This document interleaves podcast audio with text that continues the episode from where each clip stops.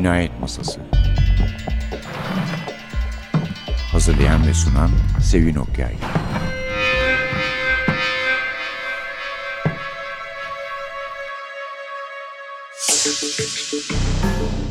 Merhaba. NTV Radyo'nun Cinayet Masası programına hoş geldiniz. Efendim taze bir polisiye yazarımız var bu programda. Size takdim edeceğimiz genç bir arkadaşımız aslında mesai arkadaşımız. Hesna hoş geldin. Hoş bulduk Sevin abla hoş bulduk. Hesna Onbaşı'nın ilk polisiyesi ama yıllarını verdiği bir kitap değil mi? Konuşuruz onu zaten. Yani Ee, evet biraz bayağı bir genişçe bir zamana yayıldı. Evet, evet. Hani tembellik mi bilmiyorum ama öyle bir şey oldu. yok yok o vakitsizlikten de oluyor. Her şeyden. Süleyman'ın Kuyuları Labirentten çıktı. Pipo serisinden. Biliyorsunuz e, Labirent sadece polisiye basan Evet. Cesur bir yayın evi. Daha doğrusu Hüseyin, Hüseyin Çukur bir Genç şövalye cesur. yani bu konuda. Genç yerli kadın yazarlara da çok e, olumlu yaklaştı. İşte Hesna'nın kitabı çıktı. Verda Pars'ın kitabı yılın ortasında Evet. çıkacak. Ondan sonra sanıyorum işte Sibel Köklü, Sibel Piraye Şengel, Seval. Şahin'i biliyorsunuz zaten programa da konuk olmuştu. Onun araştırmaları ile devam ediyor. Yani Esna'nın lansman gecesinde de öyle çok güzel bir polisiye ile ilgilenen kadınlar masası gibi olmuştu. Çünkü Esma Aykol da vardı. Evet ya Verda çok oradaydı. oldu her şey. Kulüp Doğum günü sağlamdı. sahibi olarak Esna vardı arada bir gelen. Kulüp Ama sağlamdı. sahiden çok güzeldi. Çünkü Celloker gelmişti. Çağatay Yaşmut, Çağan Dikenelli. Yani polisiye camiasından epey temsilci olan bir Ee, geceydi. Ben şey diyorum yani hani böyle e, sanırım o polisiye kulübüne hani vardır ya böyle karanlık gizemli kulüpler hani o polisiye yazarları kulübünün hani ilk aşaması ilk Evet kabul evet biz aşaması öyle gibi korkunç bir şey şeyler oldu. yaptırmıyoruz. Hani e, bilmem ne şunu yapacağım bunu yapacağım demiyoruz. Bizim şeyimiz sınavımız kitap. Evet Onun için kulübe girmiş oldun. çok teşekkür ediyorum çok sağ olun. 7 yıl mı? Ben yanlış mı gördüm? Aslında evet yedi o yıl- yok doğru gördünüz. Evet. 7 yılda yayıldı bu kitabın başlangıcı. Yani ilk bölüm- Nasıl başladı? Yani şöyle e, o dönemde ben e, muhabirlik yapıyordum ve hani Tempo dergisinde muhabirlik yapıyordum ve adli tıbba çok sık gidip geliyordum ve acayip de hani polisiye işleri de meraklıyım hani okur olarak meraklıyım. O dönemde bazı böyle işte yurt dışında Türkiye'de işlenen olayları falan takip ettiğim siteler vardı. Çağrı'yı da oradan tanıyorsun o zaman. E, evet. Tempodaydı değil mi o sırada? evet, ben evet. Çağrı'yı noktadan tanıyorum. Evet e, yani hani e, sizin daha eskiye dayanıyor ama bizim Evet. de işte bayağı oldu tempo döneminde Çağrı ile birlikte çalışıyorduk. O dönemde bir şeyler oluşmaya başladı ve ben ilk bölümleri ilk bir iki bölümü yanılmıyorsam işte 2004-2005 falandı ama temelleri 2002'de atılmıştı. Hani ilk aklımda oluşumu. 2005'te yazmaya başladım ama. Hani tabii şimdi takvim böyle olunca nasıl olur falan diye düşünebilir dinleyiciler. Hani arada çok uzunca bir süre hiç dokunmadığım zamanlar oldu. Bir de tabii kitap biteli de epeyce oldu. Kitap biteli de iki Bu yıl yani oldu. 2014 basım. Evet iki, tarihi. iki yıl oldu. Bir yıl Ben boyunca. 2013'te gördüm değil mi? Evet geçen sene, Geçen e, sene. 16 Ocak günü Sevin Okyay'ın yorumu gelmişti. Yani hani 16 Ocak günü hakikaten hayatımın en enteresan ve mutlu günlerinden birisiydi. Sevin Okyay bu kitabı okumuştu ve güzel şeyler söylemişti. Mutlu olmuştum. Beğenmiştim kitabı. Hala da beğeniyorum. Ee, tabii biraz da daha elden geçirmişsin. Daha da iyi olmuş. Yani basılmış hali.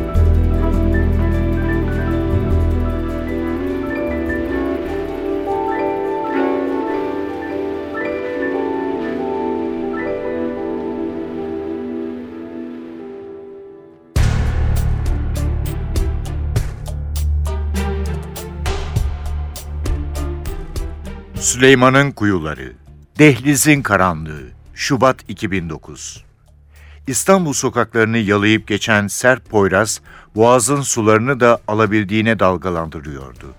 Karanlık dehlizin kadim duvarlarında yankılanan dalga sesleri zaten yeterince soğuk ve ürpertici olan havaya daha da uğursuz bir hay katmıştı. Bu uğursuz karanlığın içinde iki kişi bekliyordu.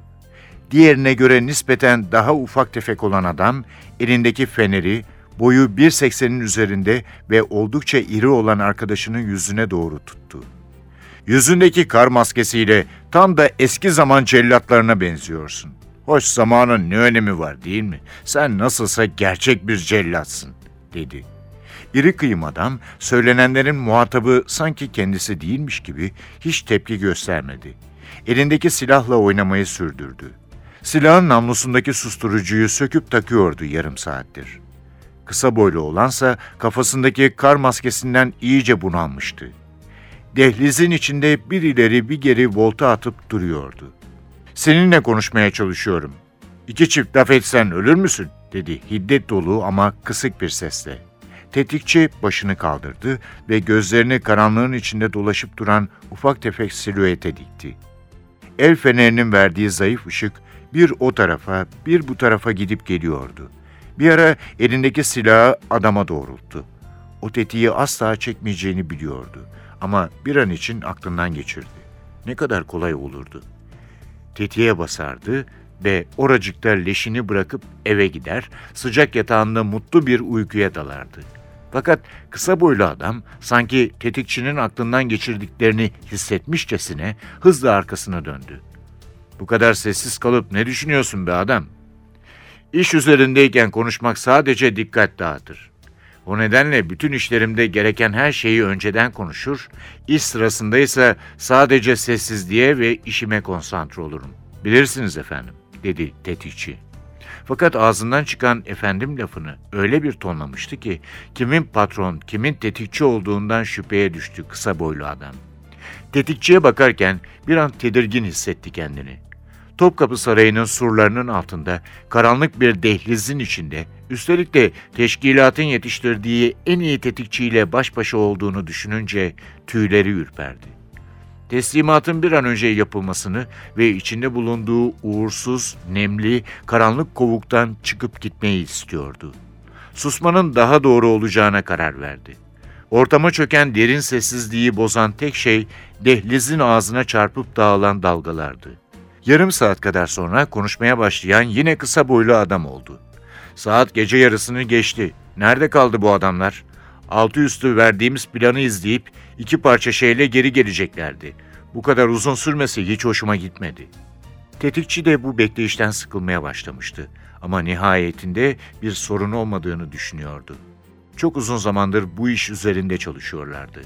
Topkapı Sarayı'nın resmi kayıtlara geçmiş herhangi bir haritasında olmayan bu dehlizi keşfettiklerinde yapmayı planladıkları işin ilahi bir yanı olduğuna o bile ikna olmuştu.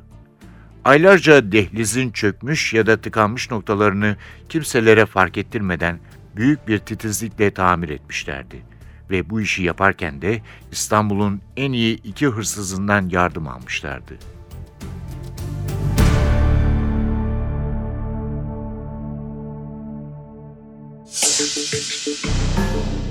Kitabımız Süleyman'ın Kuyuları, konuğumuz Hesna Onbaşı. Hesna, bilmiyorum zor gelir mi ama bir, bir özet versene bize. Fazla da ileri gitme çünkü kitabın tadı kaçar benden söylemesi. Aslında birkaç katmanı olan bir kitap bu. Bir noktası Kanuni dönemine dayanıyor. Süleymaniye'nin inşa edildiği zamanlara dayanıyor. Ama esas ana omurgası tamamıyla günümüzde geçiyor. 2009. Evet 2009 yılı içerisinde geçiyor. Olayların hepsi o dönemde yaşanıyor. Ama kökleri dediğim gibi hani dinler tarihi üzerinden çok daha geçmişe giden tarafları Çok daha var. Birkaç gidiyor, evet. katmanlı bir kitap bu anlamda. Evet Ee, biraz anlatacaksın konuyu öyle o kadar kolay şey olmuyor, uydurmuyor. Zilhicce 1552 Evet. şeyde e, ilk bölümümüzün tarihi. Zilhicce 1552 tam işte bu Süleymaniye'nin inşasının yeni yeni başladığı dönemler. Kanuni'nin son yılları ve orada işte giriş kısmında bir celladımız var. Karali. Onun, Karali onunla başlıyor ve Karali aslında orada bir gözüküyor. Ondan sonrasında uzunca bir süre ortada olmuyor ama aslında romanın çok önemli karakterlerinden Evet birisi çok önemli kendisi. karakter. Evet. Ee, ve ondan sonrasında aslında günümüze dönüyoruz. Şöyle özetlemek gerekirse aslında biraz içerisinde dinler tarihi var. Biraz ezoterik izler var. Bir heykelimiz ve bir karanlık bir kitabımız var. O heykelin ve karanlık kitabın peşinde Herkes koşan, onların peşinde aslında. e, insanlar var ve bu Evet. koşuşturma içerisinde işlenen cinayetler. yani e, iyiler, kötüler, polisler. Evet Sonuçta aslında işte hani o e, bir, bir polisiyenin içerisindeki Hı. unsurlar Evet. e, biraz böyle e, bu kavramlar üzerinde bir araya geliyor. Ama şöyle bir boyutu daha var onu da eklemek istiyorum. Bunu da aslında kitabı tamamladığımda fark ettim. Yazarken yorumlayabildiğim bir şey değildi. Günümüz insanının egoları, hırsları, o hırsları uğruna göze alabilecekleri şeyler de bu kitabın içerisinde karşımıza çıktı ya da çıkıyor gibi Evet aslında bana. öyle gerçekten de beni de esas olarak o korkutuyor. Yani hani biz hani bugünün insanına bugünün ekonomik sistemine, siyasi düzenine bağlayıp hani insanlar da böyle oldu diyorduk. Halbuki dehşet içinde zaten hep öyle olduklarını fark ediyorsun. Bu da biraz ürkütücü doğrusu. Evet, hep öyle ve aslında hani işte en sıradan insanlar hani sıradan ya da hani işte çok eğitimli, çok kültürlü gözüken insanlarda bile karanlık bir taraf var yani. Evet hiç fark etmiyor yani. Evet. Şöyle nasıl fark ediliyor, nasıl polis şeylerimiz, karakterlerimiz var. Onlardan şimdiki bölümde söz ederiz. Nasıl ortaya çıktı? Topkapı'da, Topkapı Sarayı'nda Evet. bir soygun oluyor bir dehlizde altında. Orada el yazmaları çalınıyor. Yani dışarıdan görünen e, ve iki ceset buluyor polis. Kafaları kesilmiş. Evet. Sonra müdür bu işte daha doğrusu önce hırsızlık masası ilgileniyor. Evet. Sonra asayişe Geçiyor. hırs- hırsızlık masası ilgilenirken ilk başta cesetler bulunmuyor. Sadece bir hırsızlık Evet ihbarımız sadece var. hırsızlık var. E, Hırsızlık masası ilgilenirken cesetler ortaya çıkmaya başlıyor. Asayişe geçiyor ve oradan işte Üsküdar Selamsız'dan geçen bir yolla bu Mahut kitapla heykelin lafı Evet ortaya esas o hırsızlığın için yapıldığı. çıkıyor. Sonra ne giriyor işin içine. Bir tarih profesörü, bir iş adamı Türkiye dışında yaşayan değil Evet mi? işte biraz Yani böyle, dahil oluyorlar çeşitli e, şekillerde. Çok farklı karakterler e, dahil olmaya başlıyor ilerleyen aşamada. Ama işte öncelikli olarak bir e, Sami'miz var bu işin. Evet ondan da şimdi konuşacağız. Zaten bu kadar özet yeter bundan fazlası söylenmez. Tamam.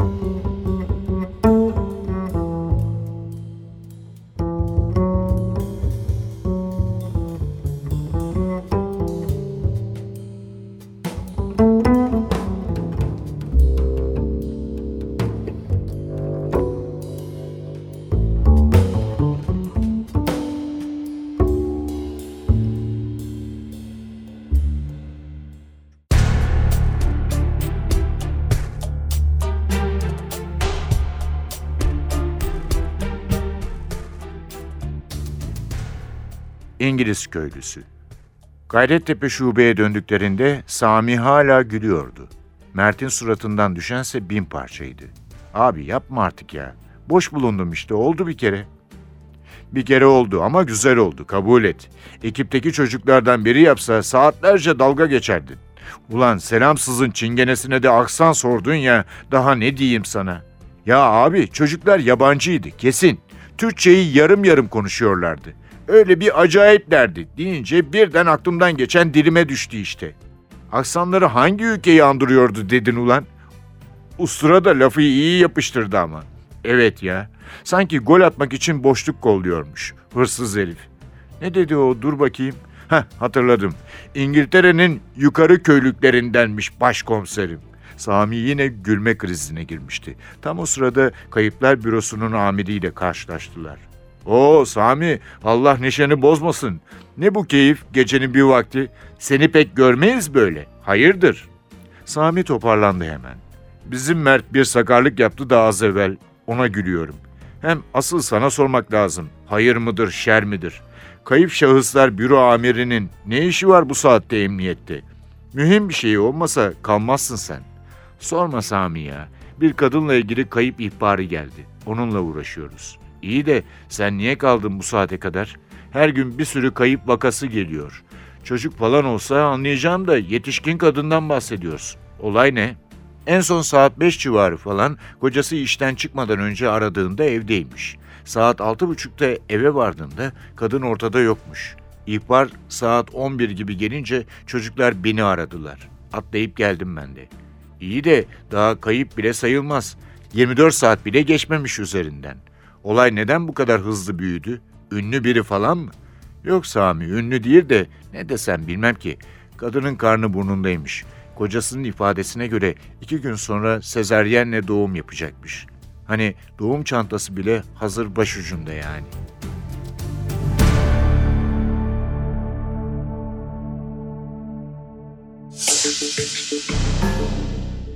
Cinayet masasındasınız. Süleyman'ın kuyularındasınız. Allah kolaylık versin diyoruz. Hesna Onbaşı konuğumuz. Evet karakterlere tam geçmek üzereydi ki onu yakalamıştım geçen sefer. Ee, Evet. Gerçekten de benim de çok sevdiğim bir karakter oldu. Yani gerçekten iltifat olsun diye söylemiyorum ama onun çok oturmuş bir karakter olduğunu düşünüyorum. Bir de yani bu kadar çok polis, komiser, başkomiser varken bazıları ancak kendine mahsus özelliklere sahip oluyor. Bence Sami Müdür de öyle. Yani onun çok sağlam bir karakter olduğunu düşünüyorum.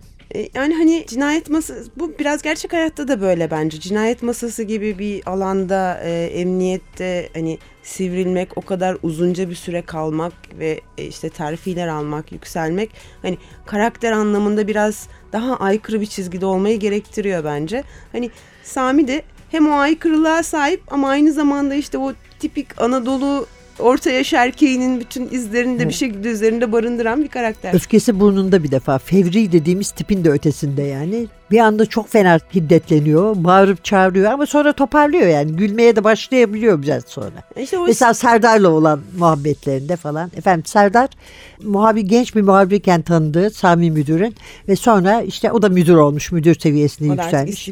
gazeteci. yükselmiş Gazeteci gazeteci. derken bir de Ahmet diye bir tüyü bitmemiş. Evet, e, stajyer olan, henüz yolun başında olan e, ve burnunu sık sık belaya Bir de işte bir şeyler yapıp kendini kanıtlamak istiyor tabii. var. Her ne kadar Sami Müdür'den korksa da. Mert var.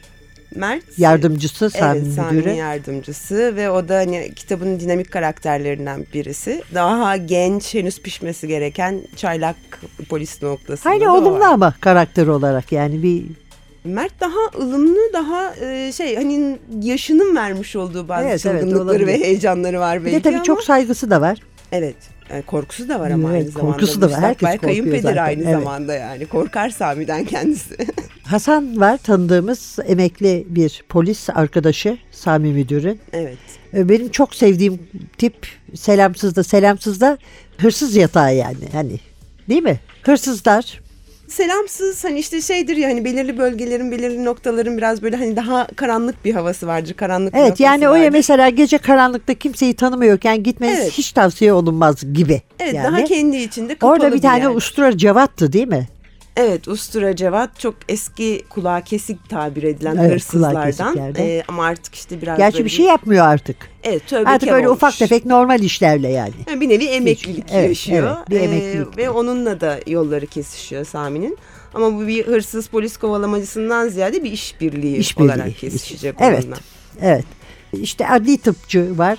Cihan. Evet. Ee, yani bu polisiyelerde hep alışkın olduğumuz şekilde hani adli tıpçıya işini öne aldırmaya çalışırsın ya. Öyle. Öyle bir ilişkileri var. Evet. Arkadaşlar ama değil mi? Eski, Eski arkadaşlar arkadaş, ve evet. birbirlerine nazları çok geçiyor. Aslında hani normal hayatta işte sürekli işi öne aldırmaya çalışmak, işi yetiştirmeye çalışmak biraz böyle çatışmaya neden olur ama e, onların Sami ile Cihan'ın arası ve dostlukları iyi. Yani nazları geçiyor birbirlerine. Tarihçi Cahit hocamız var. Kendini yani tarihe ve İstanbul'a, Evet. İstanbul'un tarihine, İstanbul'un korunmasına adamış. İstanbul'un tarih bekçisi diye tanımlandığında çok hoşuna gidiyor. Evet. yani hani o şekilde ifade edilmesi çok hoşuna gidiyor.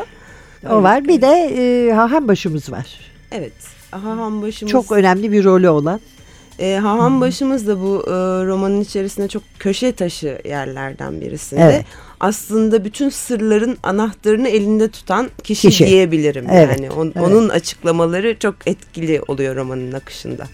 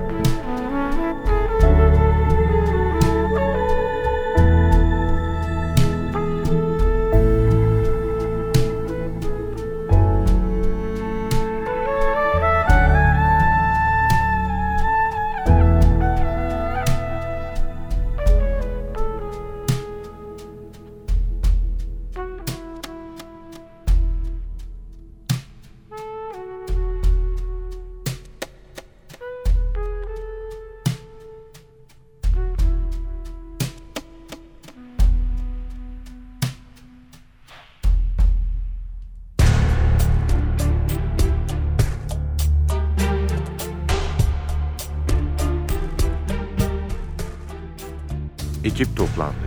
Sami sinagogdan ayrıldığında başı ağrıdan çatlamak üzereydi. Yaklaşık 5 saat boyunca haham başının anlattıklarını dinlemişti. Tarih öncesinden gelen karanlık bir tarikat, kurban edilen çocuklar, kan iftiraları, sürgünler, ölümler ve acıyla geçen binlerce yılın öyküsüydü dinledikleri. Haham başının bahsettiği olaylar zincirinin kendi içinde bir mantığı vardı. Fakat Mineryum'un birinci 10 yılında görev yapan bir cinayet masası polisi için bu anlatılanların ne kadarının gerçek, ne kadarının hikayeden ibaret olduğunu anlamak bir hayli zordu. Duyduklarını hazmetmesi bir zaman alacaktı. Ancak zaman şu anda Sami'nin sahip oldukları arasında en değerli olandı. Bir taksiye atlayıp Gayrettepe şubenin yolunu tuttu. Benjamin'in anlattıkları birer efsane bile olsa o efsane için şimdiden iki cinayet işlenmişti. Üstelik kitapta gördüğü o işaretler bu olayların birbiriyle bağlantısı olma ihtimalini güçlendiriyordu. Ayrıca günlerdir sadece birer kelimeden ibaret olan heykel ve el yazması şimdi gerçek bir anlam kazanmaya başlamıştı. Fakat karşısındaki hastalıklı ruhun mantığını anlamakta gerçekten güçlük çekiyordu. Böylesine vahşi bir gelenek binlerce yıl boyunca varlığını sürdürebilir miydi? Üstelik neredeyse 500 yıl boyunca uykuya yatmışken nasıl olup da bir anda yeniden gündeme gelebilmişti? Bu sorunun yanıtının en azından bir bölümünün profesörde olduğunu biliyordu Sami. Eğer cinayetlerin başlamasıyla heykel ve el yazmasının ortaya çıkışı arasında bir bağlantı varsa, profesörün vereceği bilgiler şimdi çok daha büyük önem kazanmıştı. Fakat Cahit Gürel'in Amerika seyahatinden dönmesine daha 3-4 gün vardı ve Sami bu arada elindeki bilgilerle yetinmek zorundaydı. Haham başının verdiği uzun isim listesi hala elindeydi. Listede tam 116 isim vardı.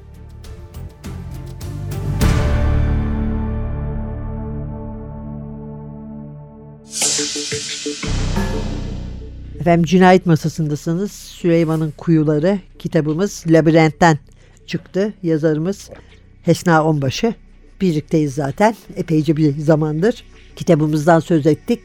Daha fazla etmeyelim çünkü sırlarımızı farş edeceğiz olmaz yani Evet, o kadar da. evet. Peki senin polisiyeyle genelde ilişkin nedir? Yani sevdiğin özellikle polisiye yazarları var mı? Çok okur musun ne bileyim. Yani hani benim polisiye ile ilişkim aslında ta çocukluk yıllarında cinayet dosyası Agatha Fletcher hatırlarsınız belki o karakterleri. Evet, yani evet. on- onları hani ilk izleme yıllarıyla başladı. Sonrasında işte Agatha Christie'ler vesaireler okuma Klasikler, anlamında tabii. klasikler hayatıma girdi. Son dönemde hani işte Türkiye'de Ahmet Ümit, Celil Oker onların yazdığı kitaplar zaten hani sürekli olarak Evet. sık sık e, karşımıza Gündeme geliyor gündeme zaten. geliyor. Yurt dışında da yabancı yazarlar olarak baktığımda Grange'ı severim. Ee, Hmm. Grange'ın otopsi ve anatomi üzerine tabirleri çok gerçekçidir, çok realdir. O yüzden onu çok sevdiğim bir yazardır. Dan Brown işte son dönemde gündeme gelen isimlerden onu da e, Glenn Mates onun çalışmalarını da takip ediyorum. Mümkün olduğu kadar yeni çıkan şeyleri takip etmeye Anladım. çalışıyorum. Evet. Ama işte bu yazım aşamasında mesela bir süre hiç okumadım. Çünkü hani insan farkına varmadan okuduğu şey de Etkisi altında kalıyor etkisi tabii. altında kalınabiliyor.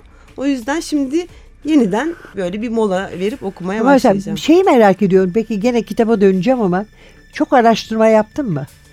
Yaptım. Yani hani bu işte hani çok geniş bir zamana yayıldı durumu var ya. Hani orada şöyle şeyler söz konusu oldu. Ben yola çıkarken bu, bu bitecek mi, bir sonu olacak mı, bir romana dönüşecek mi onu bile bilmeden başladım bu işe yazmaya bir taraftan. Ve bu arada hep böyle yazarken takılan noktaları bu neymiş diyerek hı. araştırıp öğrenip hatta o işte bir şey başka bir kapıya yöneltiyor. Hayır çünkü sağlam bir iskeleti de var. Ben ne dediğini biliyor gibi yazıyorsun da onun için Yani- soruyorum. Ya açıkçası Araştırmışsındır yani hani diye. mümkün olduğu kadar okuyup mümkün olduğu kadar elimden geldiği kadar algılayarak bir şeyleri oturtmaya çalıştım. Peki devamı geliyor mu? Yani ille bu kitabın devamı anlamına söylemiyorum. Polisiyenin Ee, devamı. Evet şu an ikinci bir kitap için çalışmalar sürüyor. Yani hani okumalarım, araştırmalarım onlar sürüyor. Ufak ufak yazmaya da başladım. Hani ne kadar süre içerisinde şekillenir tam son halini alır bilmiyorum ama ikinci kitap için de çalışmalar sürüyor. Ha, güzel. Tamam.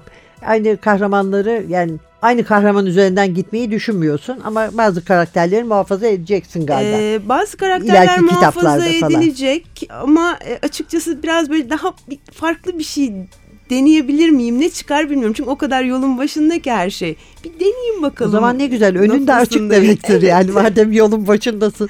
Dene bence hiç yani çekinmeden. Hani e, umarım iyi bir şeyler çıkar. Umutluyuz biz de efendim. Hesna'cığım çok teşekkür ederiz. Ben Gerçekten yolun açık olsun. Ben teşekkür ediyorum. Çok sağ olun Evet. desteğiniz için. Efendim önümüzdeki hafta bir başka Cinayet Masası programında yeniden birlikte olmak üzere. Mikrofonda Sevin Masada Hasan. Size fevkalade şefkatle iyi bir hafta diliyoruz. Çünkü kitap zaten biraz ürkütücü. Bir de biz korkutmayalım dedik efendim. Hoşçakalın.